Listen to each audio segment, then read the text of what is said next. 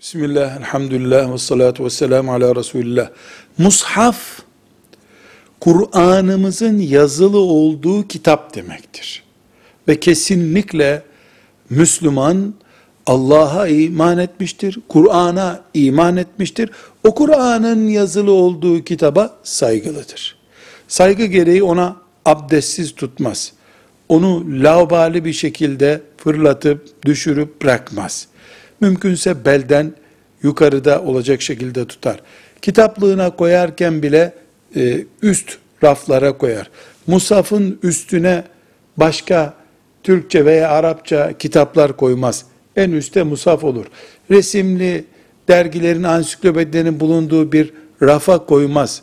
Onu böyle ortada üstüne kalem konmuş, gözlük konmuş bir şekilde bırakmaz. Bir gönül Allah'ın kitabına saygı deyince ne anlıyorsa onu yapmaya çalışır.